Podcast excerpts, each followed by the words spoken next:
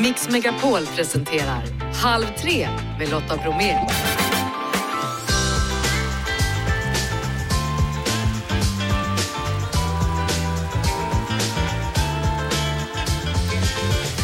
Hallå där och varmt välkommen in i Mix Megapols Halv 3-studio. Onsdagsmixen innehåller de senaste nättrenderna med Daniel Paris. Vi gratulerar vinnaren av hela Kändis-Sverige bakar. Livstidsfängelse för de som dödade 12-åriga Adriana, Fredrik Sjöshult kommenterar.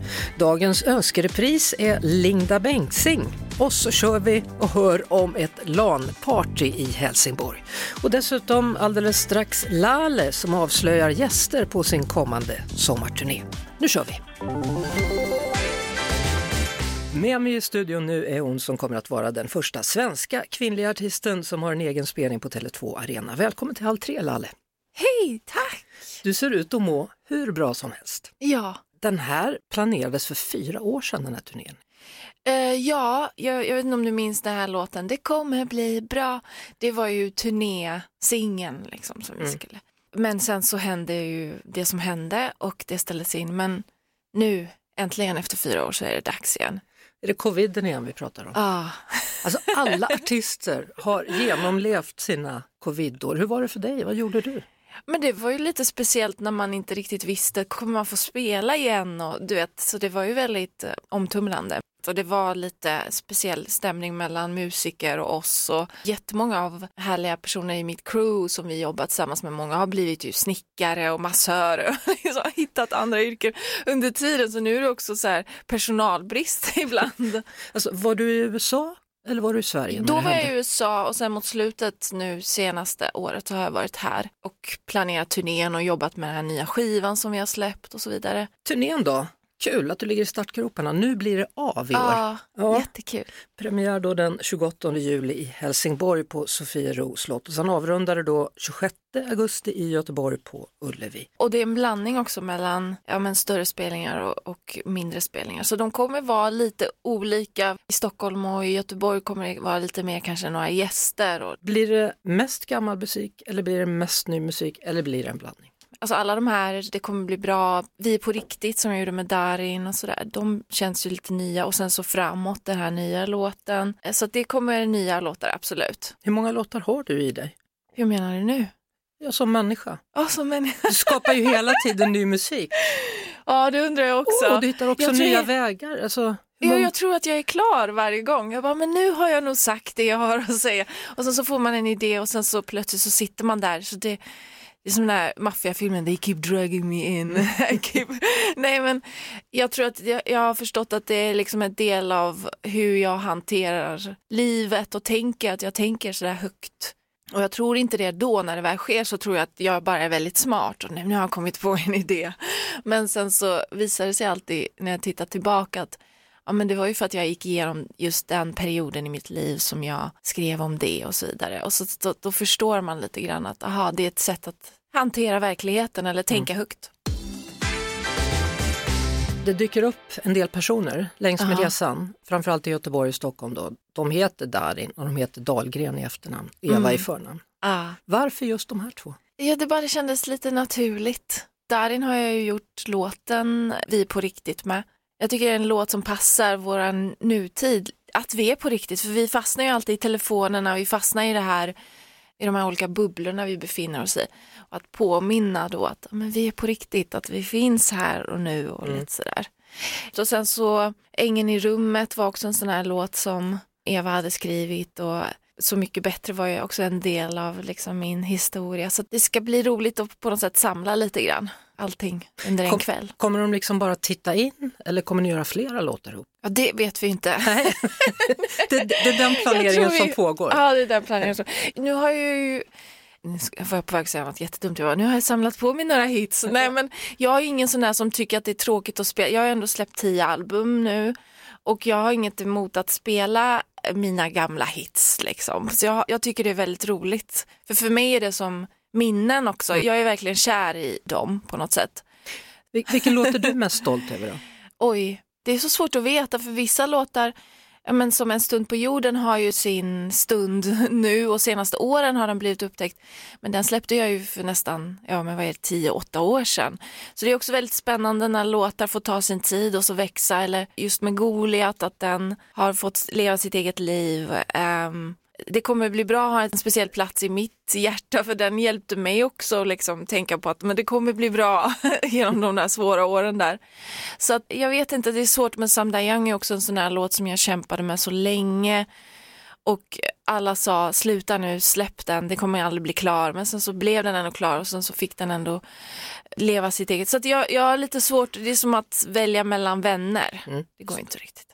Så vilken vän känner du för just nu då? Som vi kan... uh, ja, men jag, tror, jag tror... Idag? Idag så känner jag nog, ja men det är väl också kanske den senaste låten framåt som på något sätt ska påminna mig om att jag inte kan bära livet själv utan den bär sig själv. Alla molnen på himlen, de be jag behöver liksom inte flytta dem omkring, de flyttas av sig själva. Så leka lite enklare med livet och samsas, så det är lite vad framåt handlar om och det tycker jag jag behöver lära mig nu. Då kollar vi in framåt och lyssnar på den. Tack. Tack Lalle och uh, ha en härlig sommarturné så småningom. Tack så mycket, detsamma. Halv tre med Lotta Bromé på Mix Megapol. Häromdagen så pratade vi ju om TikTok, om den här trenden Gargamel Snipes då, som gått varm och då var Daniel Paris med oss och frågan är, vad är det mer som händer? Ja, det händer ju väldigt mycket kul. Det händer ju mer kul än eh, inte kul, så därför är jag så glad att vi ska prata om det också.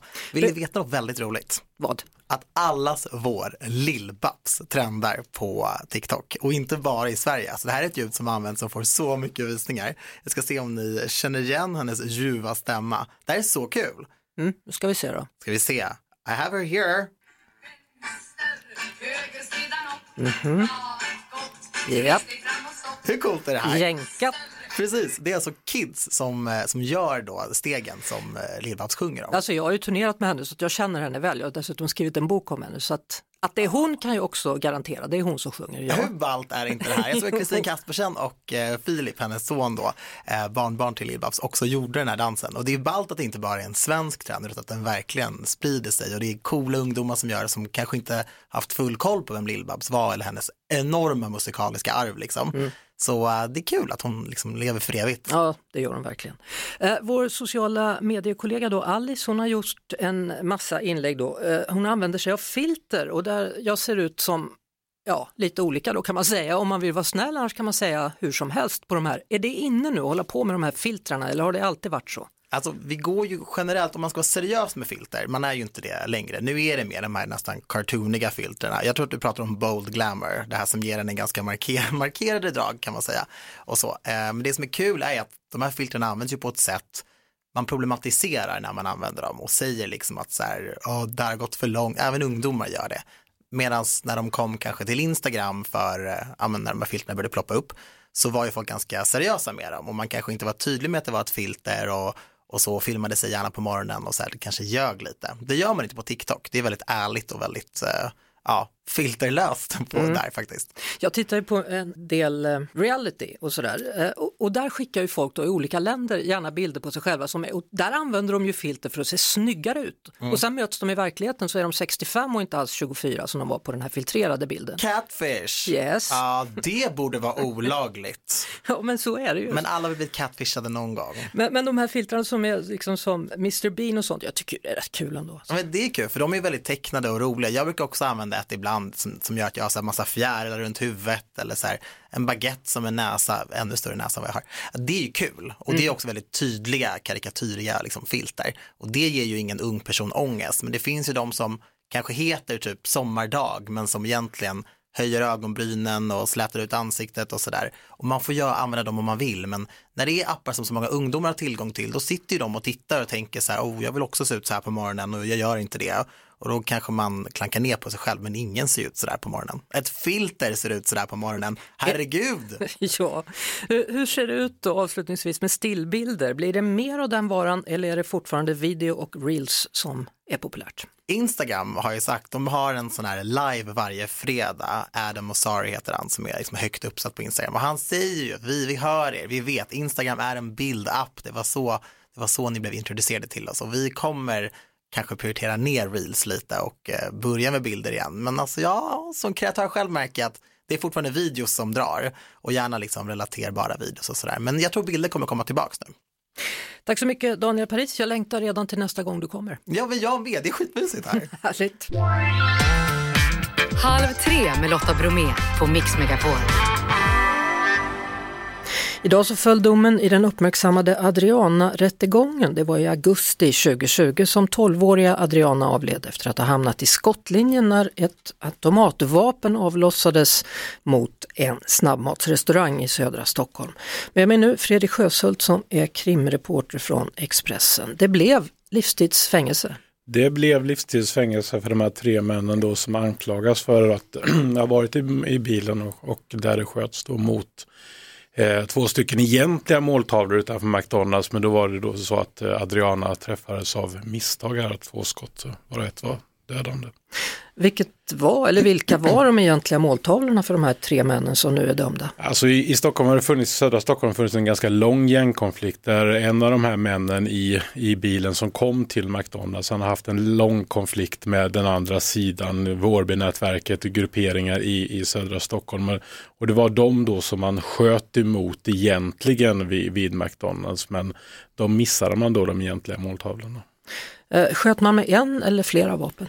Man, man sköt med ett vapen som de flesta skotten kom ifrån. Sen var det ett eh, vapen som fick så att säga eldupphör som de inte kunde fortsätta skjuta med. Så tanken var att det här skulle vara någon drive-by skjutning med flera vapen från det här från den här Audin då. Man stannar ju inte, man går ju inte ut utan man skjuter ju inifrån bilen urskillningslöst ut mot den här parkeringen där det finns väldigt många människor. Som, och man döms ju inte nu bara för mordet på Adriana utan man döms ju också för ett antal mordförsök, alltså de, de som också fanns på platsen. Är, är det väntat att alla tre skulle dömas till livstid? Alltså, det finns ett antal sådana här domar. Man kan gå till polismorden i Alexander om man inte kunde slå fast exempelvis vem som sköt de skotten och som dödade polismännen där. Alltså sätter man sig i en bil där det finns automatvapen i syfte att man ska skjuta, en kör, andra skjuter, då, då döms man då för att ha gjort det här som det heter gemensamt och i samförstånd. Så därför var det väntat ändå att, att, att, att det kunde bli en sån här utgång. Eh, och efter det här mordet då, då deltog man i en raplåt?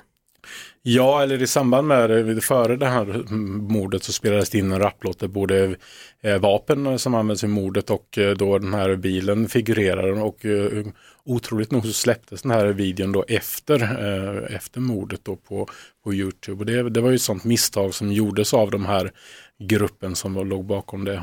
Och det är ett skäl nu till att det här kunde klaras upp också. Det här hände ju då i augusti 2020. Varför har det tagit så lång tid att nå en dom? Det har varit väldigt svårt eh, att, eh, att sätta de här männen på plats eh, vid McDonalds. Man kan ju fortfarande, det är fortfarande inte så att man kan liksom, det finns inga vittnen som pekar ut dem på plats, det finns ingen som, som inga övervakningskameror där som styrker dem till platsen. Så det har varit ett sånt indiciemål. De har byggts på olika delar i en kedja och en viktig del av det här har varit då bevisning från krypterade chattar som polisen har kommit över.